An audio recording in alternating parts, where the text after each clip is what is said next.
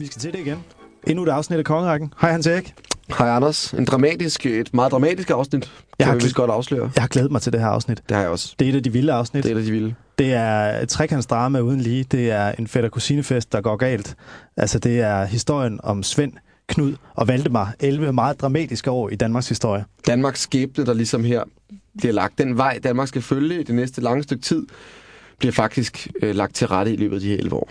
Ja, der sker jo det i 1146, at Erik Lam han abdicerer. Han er blevet syg. Og øh, så betyder det jo, at man skal have fundet ud af, hvem der skal tage over for ham. For han har ikke selv nogen ægte børn. Vi har tre oplagte tronkandidater.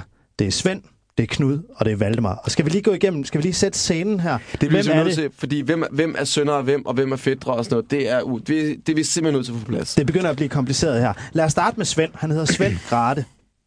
Han er søn af øhm, Erik Mune, som jo var konge før Erik Lam. Ja, og det var han, Svend var simpelthen for lille til at blive konge, da hans far øh, Erik Immun døde, og det er derfor Erik Lam blev, blev konge. Så Svend han er altså noget skælds over alder, og har ligesom øh, mulighed for at blive konge.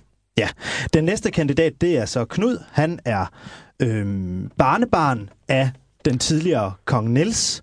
Det vil så sige, at han er søn af Magnus den Stærke. Og Magnus den Stærke, det var jo den tronkandidat, som myrdede rivalen Knud Lavard, og dermed startede en borgerkrig, som både kostede kong Niels og Magnus den Stærke selv livet. Ja, en borgerkrig, som vi kan sige, den her konflikt faktisk også er en videreførsel af, fordi den sidste kandidat, Valdemar, er nemlig søn af Knud Lavard. Altså manden, der blev myrdet af Magnus den Stærke. Det vil sige, at Knud og Valdemars fædre var faktisk i clinch. Det vil sige, at Knuds far myrdede Valdemars far.